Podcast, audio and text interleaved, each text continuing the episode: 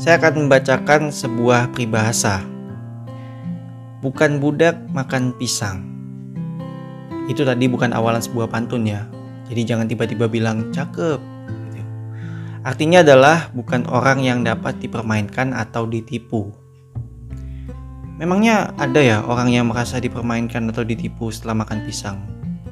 Memangnya orang tersebut berharap apa ketika mau makan pisang? Berharap pisangnya rasa coklat gitu? Atau stroberi, keju, balado atau apa.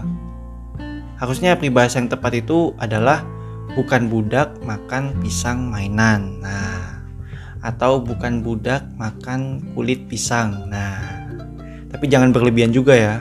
Bukan budak makan pohon pisang gitu. Atau bukan budak makan kapal pisang, banana boat.